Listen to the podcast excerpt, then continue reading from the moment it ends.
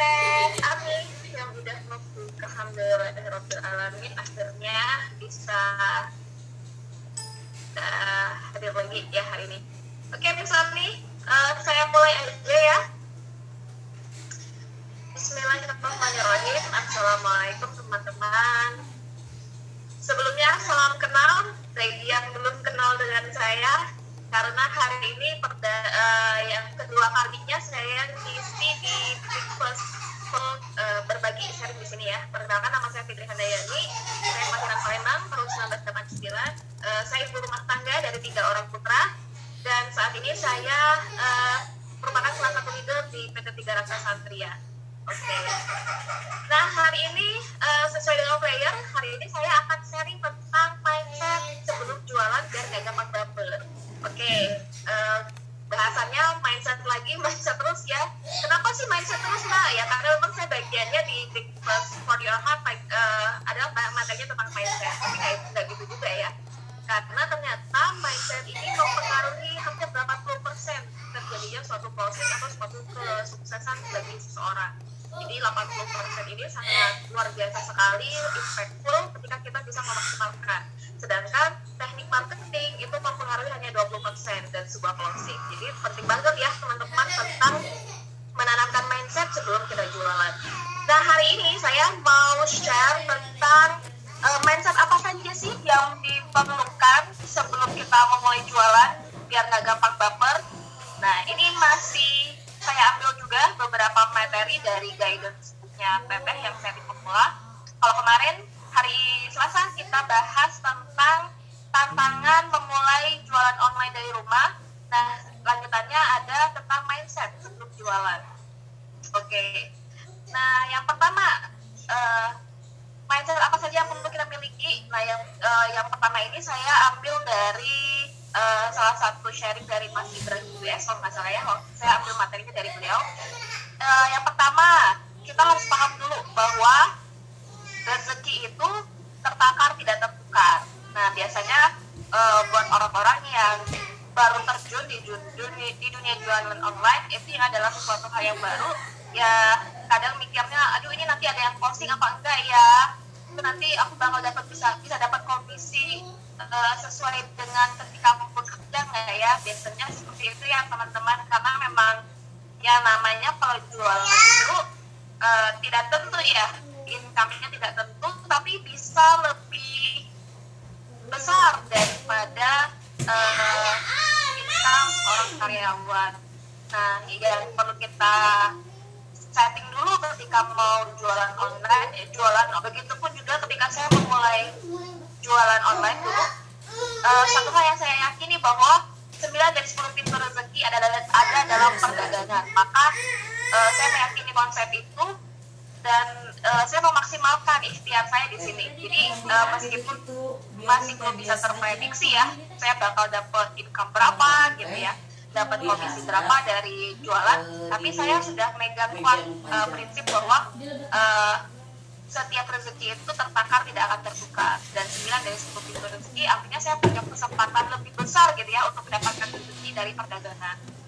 Jadi teman-teman ketika memulai jualan maka perlu juga pegang mindset ini bahwa kita pun juga bisa sukses bahkan kita pun bisa uh, memiliki income yang kita inginkan jadi dulu waktu saya mulai jualan saya pengen punya income 3 juta per bulan. 3 juta sampai 5 juta per bulan seperti seorang karyawan gitu ya. Dan ternyata itu bisa banget terjadi. Nah jadi pahami dulu konsep rezeki bahwa setiap rezeki kita tertakar tidak akan pernah tertukar itu yang pertama. Yang kedua mindset yang kedua adalah setiap produk ada jodohnya. Wah mbak aku sering banget juga closing udah sering posting tapi nggak pernah closing closing bahkan udah lima bulan jadi reseller nggak pernah closing.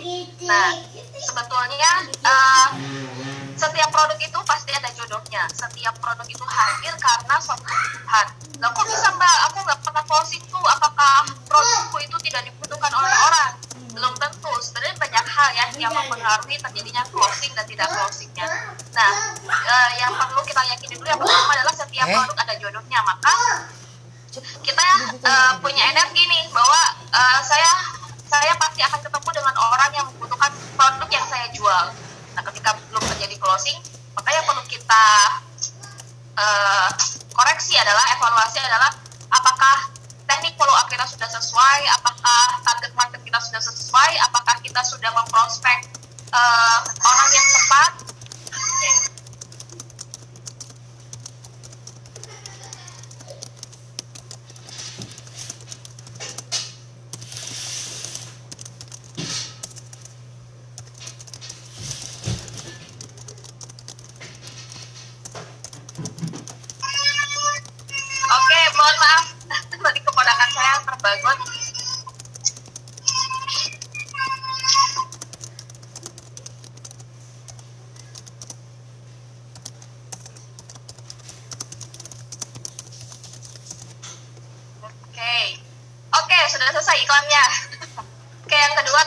adalah setiap produk ada jodohnya. Nah, ketika kita belum berhasil closing, artinya ada beberapa hal yang perlu kita evaluasi ya.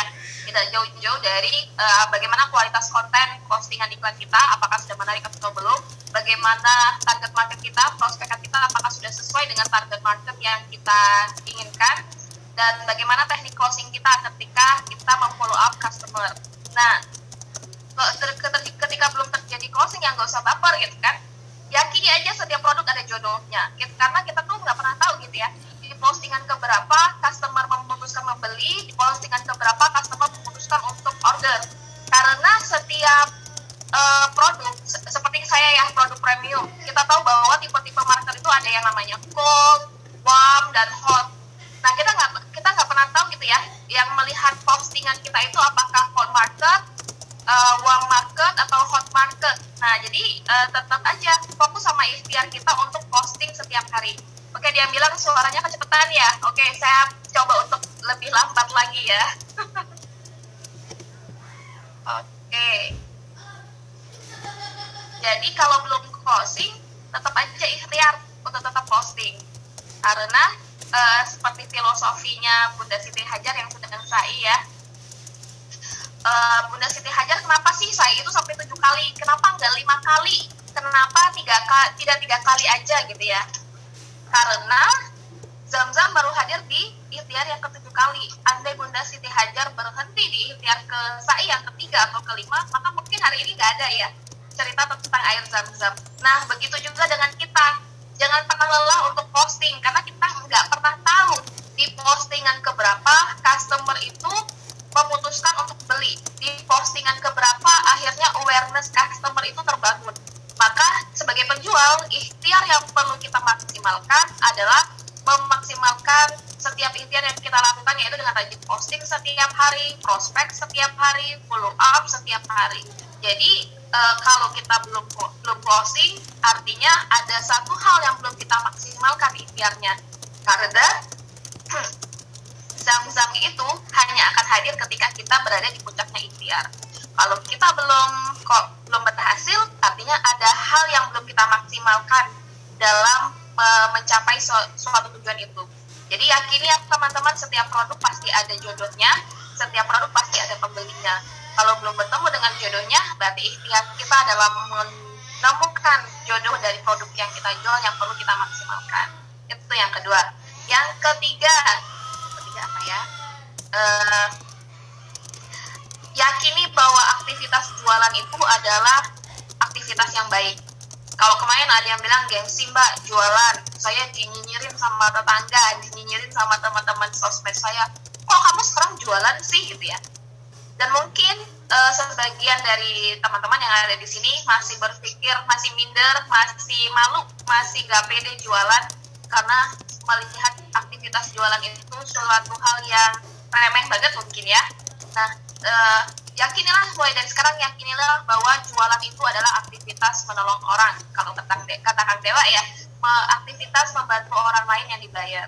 Jadi e, pada prinsipnya ketika kita berjualan itu kita menawarkan produk maka artinya kita itu sedang membantu orang lain untuk selesai dari problemnya. Kayak saya nih ya di Tiga Raksa itu ada produk edukasi yang namanya Smart Office. Nah, uh, saya meyakini ketika saya memutuskan untuk jualan produk itu, maka ada niat dalam hati saya bahwa saya pengen membantu para orang tua yang sedih, yang frustasi, yang stres, yang apa ya, tertekan ketika melihat anaknya eh, asik mainan gadget, terus ketika HP-nya diambil, anaknya tantrum marah-marah. Nah, saya ketika saya uh, putuskan untuk jualan produk edukasi mainan smart habis habis doll adalah tujuan saya pengen membantu orang tua ini untuk bisa mengalihkan anaknya dari gadget ke mainan yang lebih edukatif Nah, begitu juga teman-teman yang jualan gamis, yang jualan kimar, yang jual makanan, yang jual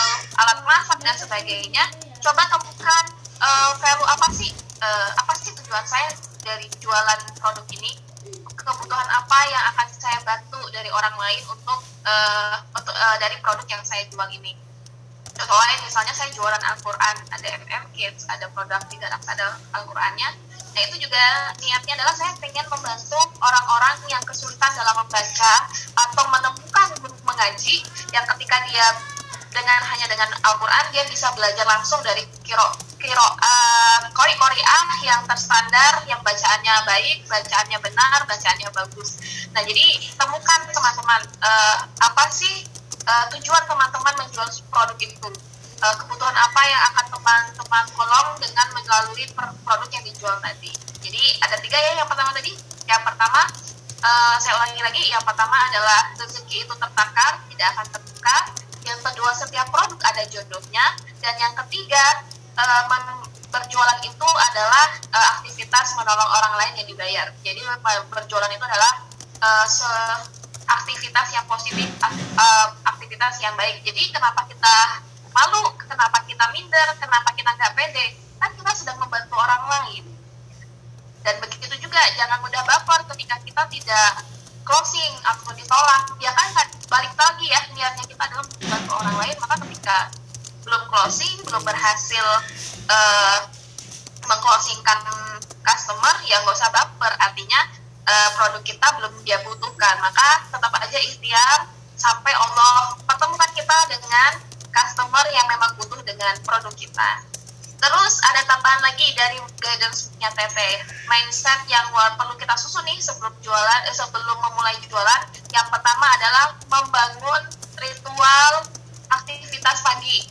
Jadi bangun tidur, uh, upayakan untuk tetap menjaga mood gitu ya. Karena ternyata ketika mood kita di pagi hari udah udah jelek, maka keseharian itu bisa dipastikan keseharian kita pun juga akan menjadi jelek aktivitasnya kita juga jadi, menjadi rusak jadi tidak maksimal seharian. Jadi upayakan setiap bangun pagi mulailah dengan bersyukur mulailah dengan mensyukuri apa yang sudah apa yang sudah Allah kasih pada kita di pagi hari ini. Jadi termasuk di tim saya juga ada yang namanya kebiasaan jurnal syukur setiap pagi. Bersyukur terhadap tiga hal yang teman-teman syukuri kemarin dan hari ini. Nah itu adalah salah satu cara kita pagi menjadi lebih berenergi, lebih positif dan lebih powerful. Kalau kemarin masih punya problem, belum uh, masih ke masih kebayang-bayang uh, penolakan customer ya udah hari ini Bismillah ya Allah mudah-mudahan hari ini customer yang kemarin masih tanya suami customer yang kemarin belum tertarik mudah-mudahan hari ini mereka uh, memutuskan untuk membeli. Mudah-mudahan hari ini saya bisa mendapatkan uh, closingan sesuai dengan target target yang saya tulis gitu ya. Jadi setiap pagi mulailah dengan bersyukur dan berdoa agar mood kita terjaga setiap hari dan kita punya energi yang selalu positif dan powerful untuk jualan. Terus yang kedua adalah fokus pada solusi. Jadi ya setiap hidup kita ini adalah setiap orang pasti punya masalah ya kalau kata guru saya hidup ini adalah perjalanan dari satu masalah ke masalah yang lainnya. Maka masalah itu pasti akan selalu hadir yang perlu kita persiapkan adalah fokus pada solusinya bukan fokus pada masalahnya. Fokus pada hal yang bisa kita kendalikan jangan fokus pada hal yang tidak kita kendalikan. Maksudnya gimana mbak? Maksudnya gini misalnya tadi ya kita belum berhasil closing masih di PHP-in atau uh, ditolak sama customer. Maka yang kita evaluasi adalah bukan customernya, tapi diri kita. Kira-kira apa ya yang menyebabkan kita tidak closing? Bagian mana yang belum maksimal kita lakukan? Jadi fokuslah pada evaluasi diri dan temukan solusinya.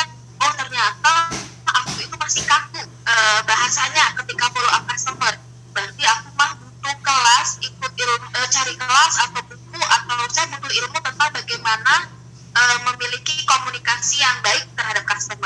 Jadi fokus sama solusinya. Kalau kita hanya pasrah terus uh, menyerah, ya nggak akan pernah selesai masalahnya.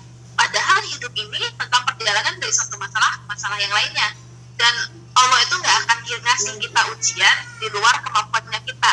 Atau ketika kita belum bisa menyelesaikan masalah itu, maka Allah itu nggak akan kasih ujian yang lainnya. Karena kita belum clear dari masalah ini. Jadi masalah itu hadir untuk diselesaikan. Fokuslah pada problemnya, eh, fokuslah pada solusinya, bukan pada problemnya. Karena masalahnya udah kejadian, dan itu kan di luar ini kita ya, di luar kendali kita. Dan itu udah kadung terjadi, nggak bisa uh, diputar ulang, maka fokuslah pada hal yang dalam kendali kita. Jangan jangan salahkan kondisi, jangan salahkan masalah, jangan salahkan peristiwa. Karena tiga hal itu sifatnya netral gitu ya teman-teman bahkan kalau kata Allah dalam Al-Quran setiap kejadian dalam hidup kita itu baik gitu ya. Dan setiap kejadian itu adalah netral sifatnya. Bagaimana kita mendapatkan impact dari kejadian atau peristiwa itu adalah tergantung bagaimana kita merespon e, masalah tersebut. Apakah kita fokus pada solusi atau kita fokus terus mengeluh dengan keadaan dan terus akhirnya menyerah nggak mau jualan lagi ya udah selesai gitu ya. Nggak ada sesuatu yang berubah dalam hidup kita. Jadi setiap ada masalah yang hadir jadikan itu sebagai tantangan untuk segera diselesaikan. Yang ketiga, uh, mindset yang perlu kita uh, yang ketiga tadi satu dua tiga empat lima enam ya. Yang keenam, uh, membaca kisah inspirasi orang lain. Nah, ini nih bisa jadi salah satu mood booster buat kita. Jadi saya dulu juga sebelum jualan online, salah satu hal yang memotivasi saya adalah ketika melihat teman saya yang sukses jualan gamis di Facebook. Zaman itu saya masih kuliah kalau nggak salah ya. Jadi teman itu teman saya itu juga jualan jualan gamis dan sampai akhirnya beliau itu bisa membayar kuliahnya dari hasil jualan. Nah waktu itu saya akhirnya termotivasi gitu ya. Dia sama saya itu sama-sama mahasiswa, tapi dia bisa menghasilkan uang sendiri dia nggak perlu minta uang orang tuanya dia bisa menyelesaikan bahkan membiayai hidupnya sendiri dari hasil jualan. Nah dari situ akhirnya saya termotivasi. Kalau dia bisa pasti saya juga bisa. Nah akhirnya dari situ akhirnya saya jualan mulai jualan di Facebook nah membaca kisah inspirasi orang lain itu bisa memberikan insight ke kita bisa memberikan energi ke kita untuk bisa meniru meniru orang tersebut untuk bagaimana sih caranya menjadi orang yang sukses itu bagaimana sih menjadi orang yang berhasil itu. Karena teman-teman ya seperti selalu teteh bilang ya jangan lihat orang sukses itu hari ini tapi lihatlah bagaimana proses yang sudah mereka jalani. Bahkan orang yang hari ini sukses orang yang hari ini berhasil orang yang hari ini closingannya banyak adalah orang-orang yang dulunya sama kayak kita yang ketika mulai jualan dia juga masih gak pede. Yang waktu mulai jualan dia masih minder. Yang waktu mulai jualan dia masih sering ditolak. Karena akhirnya dia mau belajar mau tetap fight mau tetap berjuang hingga akhirnya dia bisa sampai di titik berhasil maka akhirnya dia jadi pemenang. Maka kita juga sebetulnya punya peluang yang sama gitu ya dengan orang tersebut asalkan kita mau tetap uh, terus berikhtiar, terus belajar, terus mengasah diri kita, belajar dari setiap kegagalan, belajar dari setiap penolakan, dan kemudian membuat kita menjadi lebih expert bagaimana uh, kita bisa menawarkan produk jualan kita dengan lebih baik lagi. Selanjutnya, uh, uh, sebentar, saya tunggu dulu ya. Yang pertama tadi rezeki tertangkap tidak tertukar, setiap produk ada jodohnya. Yang ketiga, uh, berjualan itu adalah aktivitas menolong orang lain ritual pagi dengan bersyukur dan apa ya dan berdoa. Terus uh, toko inspirasi dan selanjutnya tentang hmm, sebentar saya sedikit lupa. Uh, oke okay, uh, eh, mungkin itu dulu aja ya Ami. Saya sempat uh, ngeblank ini yang terakhir itu pas saya lupa gitu ya mindsetnya Oke Ami kita lanjut ke ini aja ke chat ya kayaknya ada banyak, juga yang ngechat di kolom chat. Oke teh silahkan. Oke dari mana nih ya dari atas ya. Oke salam semua ini. Selamat pagi teh. Oke kita mulai dari nggak pernah bosan nyimak Mbak Fitaro Mbak Sayyidatul Alhamdulillah Oke, ya setuju rezeki Allah sudah tertata dan tidak Fatimah jadi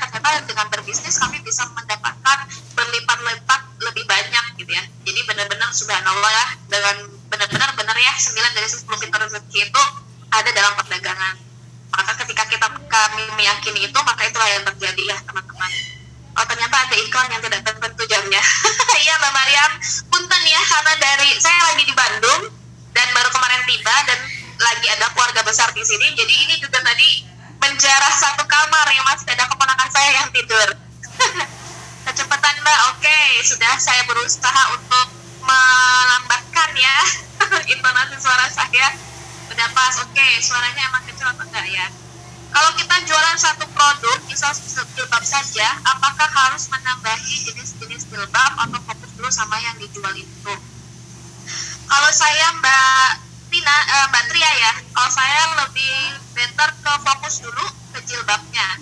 Fokus dulu kalau satu produk ini udah udah running well, kita udah dapat brandnya. Oh kalau mau cari jilbab apa ya, jilbab masker gitu ya, jilbab yang dengan masker itu berarti belinya sama Mbak Tria. Nah kalau udah sampai di posisi itu, udah brandingnya udah kuat, maka bisa nih di uh, apa ya namanya upselling, misalnya tambah dengan jualan bros dan sebagainya, atau menambah varian jilbab lainnya. Jadi kuatin dulu personal brandingnya dari produk yang kita jual.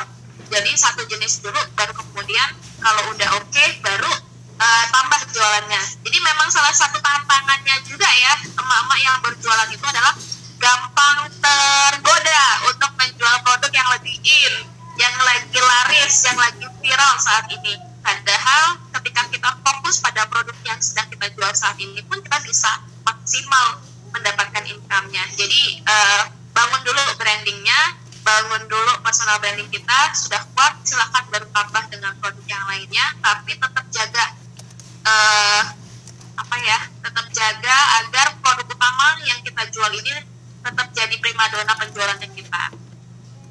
Nah, setiap pasang iklan, apakah belum pasti ada customer yang beli? iya atulah saya sendiri ketika memulai jualan online ya dari ya karena gini ya konversinya kalau kata guru saya ketika kita prospek 10 orang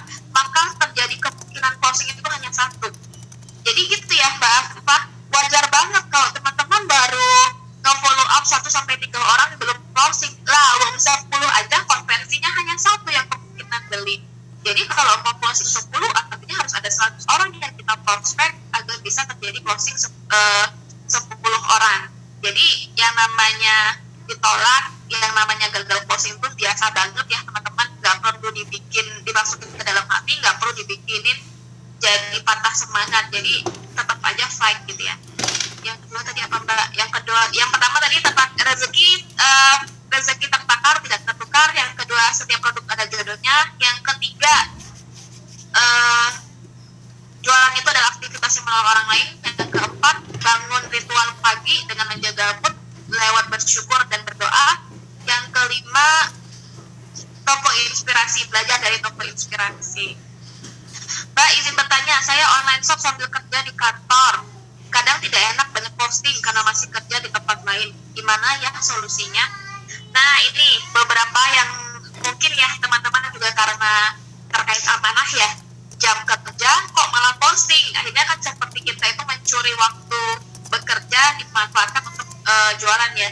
Teman-teman bisa uh, menggunakan menyewa jasa ya jasa jasa admin untuk posting iklan. Jadi uh, bisa jelaskan ke atasan atau rekan kerja kantor bahwa akun saya ini memang betul akun Facebook saya tapi yang mengerjakan ini adalah admin saya jadi kita nggak ngerasa meng, apa namanya ya nggak ngerasa zalim tidak merasa mencuri waktu bekerja untuk jualan. Atau mungkin juga ada yang namanya aplikasi ya, ya. Untuk uh, jadwal posting. Kalau dulu zaman saya ada yang namanya Hootsuite kalau sekarang saya kurang paham apakah itu masih ada atau enggak.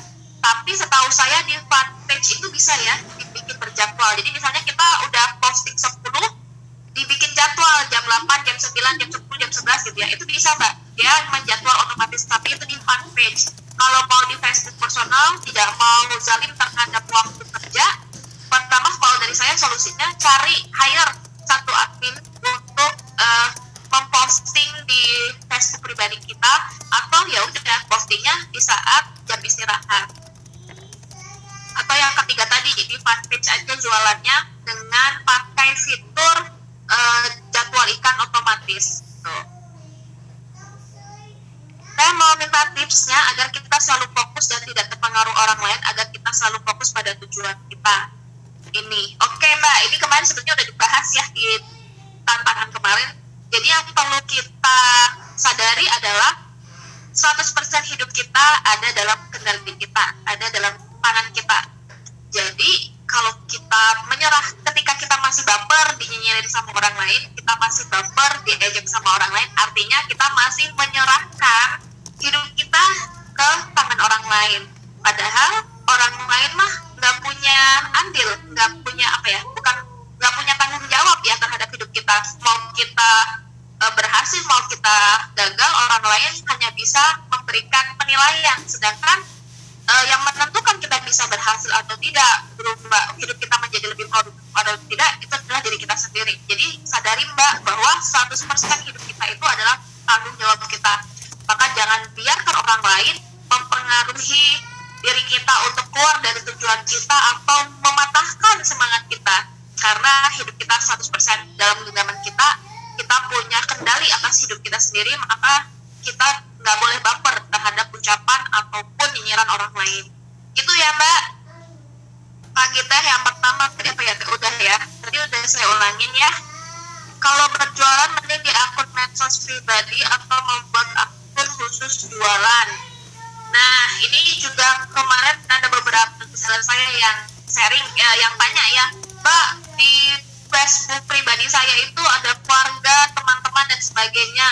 Pada protes nih karena saya rajin banget iklan di situ.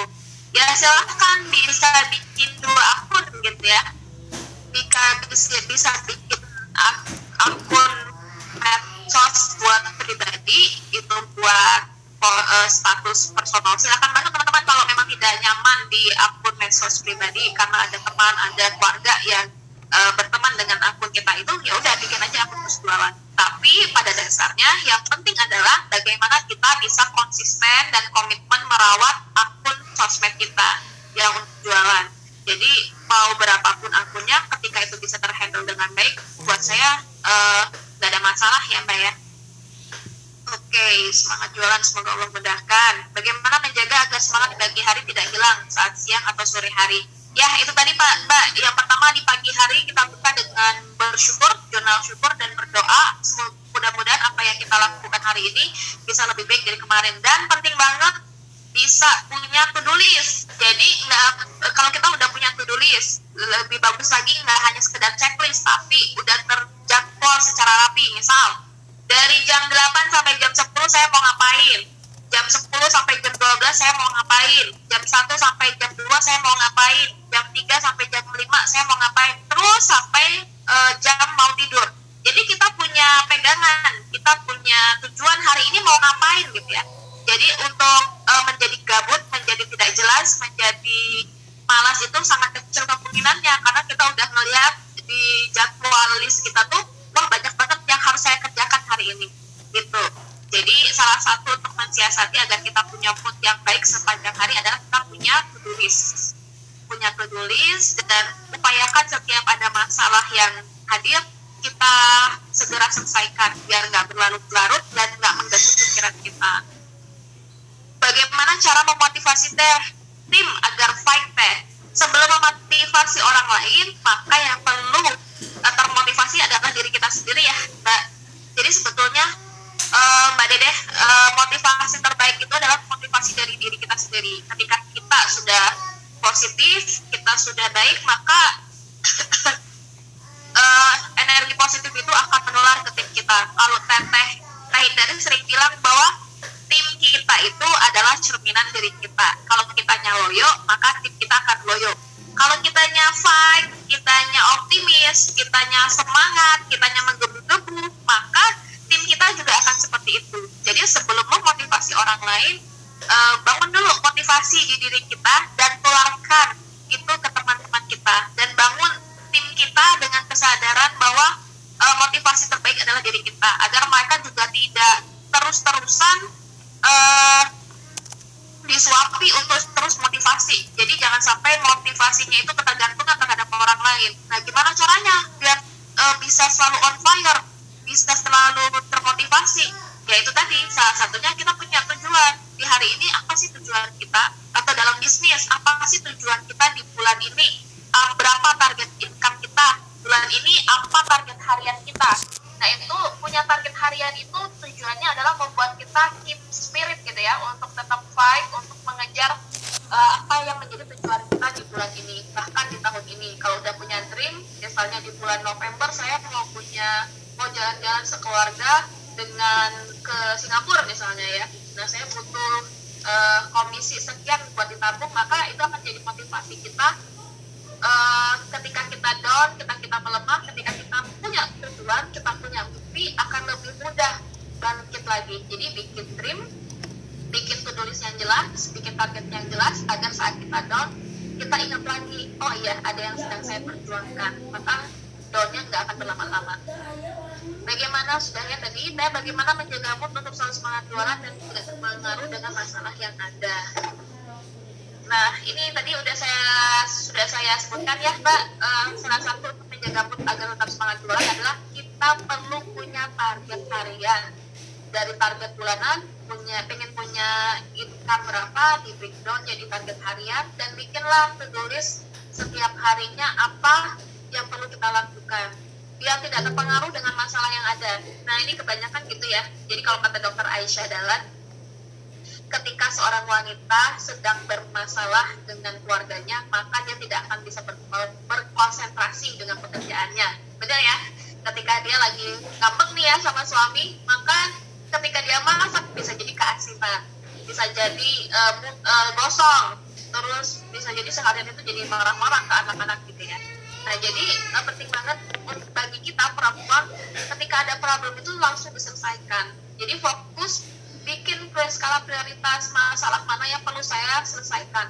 Kayak misalnya lagi ada masalah keluarga nih dengan suami, tapi kita perlu realistis juga bahwa ada misalnya tunggakan arisan yang perlu kita bayar. Ya kita nggak bisa mengabaikan problem pribadi kita, akhirnya kita merugikan orang lain. Gak bisa gitu kita tetap harus uh, profesional ya apalagi kalau misalnya punya kaitan uh, utang ke orang lain yang perlu dibayar tapi karena ada masalah dengan suami ada masalah dengan keluarga akhirnya nggak semangat jualan nggak punya penghasilan nggak bisa bayar dan sebagainya itu jadi merugikan orang lain. Maka ketika ada masalah selesaikan segera selesaikan. Jangan biarkan masalah menjadi uh, berlarut-larut bahkan tidak selesai-selesai karena itu akan sangat akan sangat merusak uh, mood dan merusak energi positif dalam hidup kita sapaan seperti apa untuk pertemanan baru biar tidak kabur Duh, oke okay, saya nggak bahas itu ya mbak di materi ini nanti next mungkin akan ada materi lainnya Salam kenal, saya Putri. Saya sebenarnya udah lama gabung jualan, namun sampai kemarin saya biasa-biasa aja. Akan tetapi semalam tanpa tidak tahu, saya rasanya pengen fokus, namun saya bingung langkah apa yang harus saya lakukan terlebih dahulu. Oke, Mbak Putri.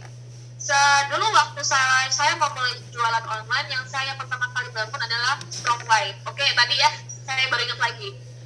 Dan mindset yang keenam itu adalah membangun strong mind strong mind atau alasan kuat untuk memulai berbisnis itu apa? Jadi agar saat kita goyah saat kita malas saat kita gabut kita ingat lagi strong mind-nya apa. Kalau saya dulu salah satunya saya pengen lepas dari riba. Karena saya tahu bahaya riba itu adalah yang paling ringan seperti menzinai e, ibu kandung saya sendiri. Nauzubillah. Dan bahaya riba itu yang lainnya adalah rezeki dia akan melumat rezeki halal saya menghabiskan rezeki halal saya. Maka saya punya motivasi gabung jualan itu adalah untuk keluar dari riba tiga bulan pokoknya. Saya punya target tiga bulan gimana caranya saya bisa keluar dari riba. Jadi kita bukan dulu mbak strong apa? Tujuan mbak berjualan itu apa? Apa yang pengen mbak uh, apa yang pengen mbak kejar? Apa yang mbak pengen realisasikan dari jualan tadi kalau kita udah punya tujuan, udah punya strong why, maka akan selanjutnya adalah membuat dream. Mimpinya apa? Targetnya apa? yang pengen mbak gapai dengan jualan tadi jadi bangun strong why-nya dan uh, bangun mimpinya Teh Fitri juga bisnis jualan apa ya Teh? Kalau sekarang saya fokus jadi leader di Tiga Raksa. Tiga itu produknya uh, ibu rumah uh, produk rumah tangga.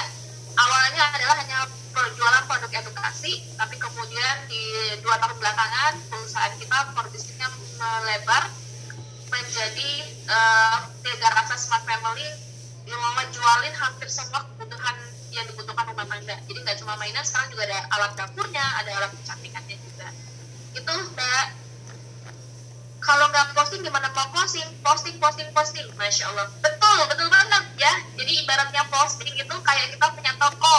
Nah kalau tokonya tutup otomatis karena ada pembeli yang mau beli ya. Makanya uh, konsisten posting karena kita juga nggak pernah tahu ya di postingan keberapa customer itu memutuskan untuk beli. Jadi saya dulu tuh sama waktu tahu harga boneka Hafidol satu juta pertama kali itu saya terus langsung mundur masa sih boneka harganya semahal itu? Tapi kemudian karena saya sering banget lihat iklan yang berseliweran di beranda saya akhirnya saya jadi kepo. Kok bisa boneka ikannya dan alhamdulillah ternyata terus saya, saya kepo. Saya pelajarin fitur-fiturnya. Oh ternyata bagus ya. Nah udah. Apakah kemudian langsung tertarik untuk membeli? Enggak. Jadi saya cukup lama waktu itu mungkin hampir satu tahun sejak pertama kali saya melihat postingan iklan boneka Hafsuz sampai akhirnya saya memutuskan membeli jadi saya itu cold banget sampai akhirnya menjadi hot itu setelah saya melihat testimoni teman saya yang anaknya itu jadi fasih hafalannya dibantu dengan boneka Hafiz jadi lihat ya teman-teman. Proses saya dari cold menjadi hot itu lama banget. Dan andaikan waktu itu saya tidak pernah bertemu lagi dengan postingan iklan Hafiz mungkin hari ini saya nggak akan ada di Liga Raksa. Jadi tetap aja posting tetap aja uh, follow up dan prospek karena kita nggak pernah tahu ya di postingan keberapa Allah gerakkan customer untuk membeli gitu. Oke. Udah jam 7 lewat 7 kami gimana? Ya saya teh uh, mungkin pertanyaan selanjutnya bisa dilanjutkan okay. ke channelnya Teh Indari ya. Dan yang belum dijawab nanti akan dijawab Teh Fitri di channelnya Teh Indari barangkali begitu ya Teh Fitri ya karena ini yeah. pada live juga uh, banyak yang ada kegiatan. So barangkali itu saja ya